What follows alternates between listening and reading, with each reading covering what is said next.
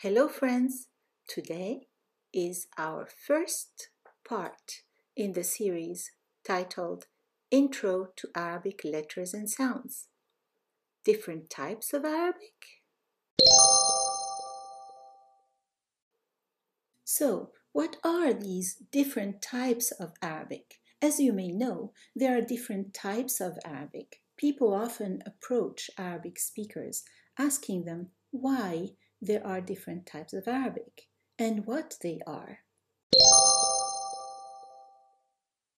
So the two main types of Arabic are Fusha and Ammiya. Have you heard these terms before? So what is Fusha or formal Arabic? Well, it can also be called classical Arabic, um, and that is the Arabic found in the Quran, as well as old poetry and prose. And it's sometimes called modern standard Arabic, and that is the Arabic found in the media, printed media like newspapers, radio and television news, as well as official speeches such as those given at formal conferences or gatherings, the United Nations General Assembly speeches, for example.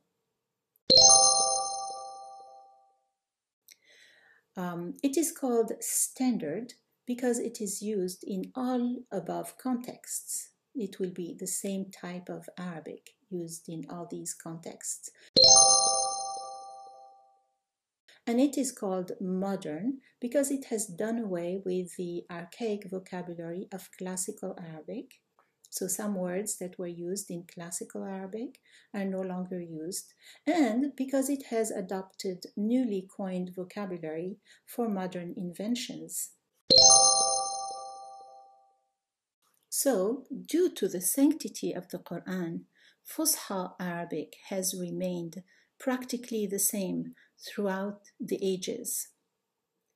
Uh, people hesitate to make any changes because of their respect for the Quran. So Fusha, also called Standard Arabic, adheres to the grammatical structure of Quranic Arabic and has not changed throughout the centuries due to the sanctity of the Quran.